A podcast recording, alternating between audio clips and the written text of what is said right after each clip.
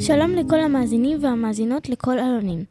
היום הכנו לכם רעיון מיוחד עם המראיינת לוטוס, ולא אחרת מאשר לאה גולדברג. שלום לאה, מה שלומך היום? שלומי מצוין, תודה. אז בואו נתחיל ברעיון. אז לאה, ספרי לנו על ילדותך, איך הכל התחיל? Uh, אני נולדתי בשנת 1911 להורים צילה ואברהם בקובאנה ליטא.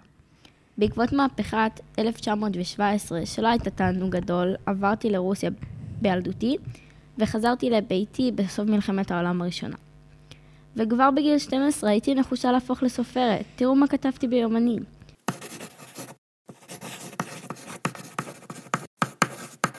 אני חייבת להיות משוררת עברייה חשובה, אם לא, אין טעם לחיי. באיזה שלב בחיים את מרגישה שאת הופכת למשוררת?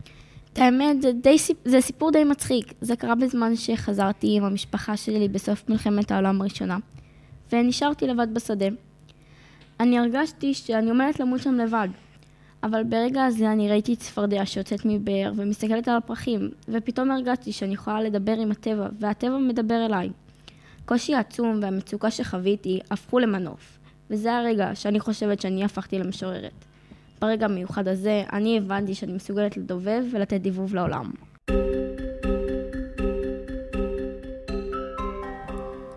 מה היו היחסים שלך עם המשפחה? אני הייתי ילדה יחידה, אז היינו משפחה די קטנה. אני ביחסים מאוד טובים עם אמא שלי, ואני אפילו גרה איתה. והיא תמיד מאוד תומכת ועוזרת לי בהרבה דברים, למשל בעבודות הבית, או שאני פשוט צריכה לדבר עם מישהו. אבל עם אבא שלי זה קצת שונה. הוא גם אחת הסיבות שאני לא הבאתי ילדים לעולם. אבא שלי חלה במחלת השיגעון, כשהייתי ילדה קטנה. אז לא, לא הייתי מאוד קרובה אליו, ולא הבאתי ילדים לעולם, מכיוון שפחדתי, שפחדתי שאהפוך להיות כמו אבא שלי, כי לפי דעתי, לאנשים כאלה אסור להביא ילדים לעולם. מה המסר שאת רוצה להעביר לעולם? המסרים שאני מנסה להעביר לעולם הם, תהיה מי שאתה ואל תיתן לחברה להגדיר אותך. ותמיד תסתכל על הקשיים של החיים באופן מפוקח ואמיתי, אבל תמיד תישאר אופטימי. אני מאוד מאמינה בשתי המסרים הללו, בגלל שאני חושבת שהם באמת חשובים לעולם, וחשוב שכולם ידעו אותם ויאמינו בהם. לסיום, האם יש לך משהו מעניין לספר לנו עלייך?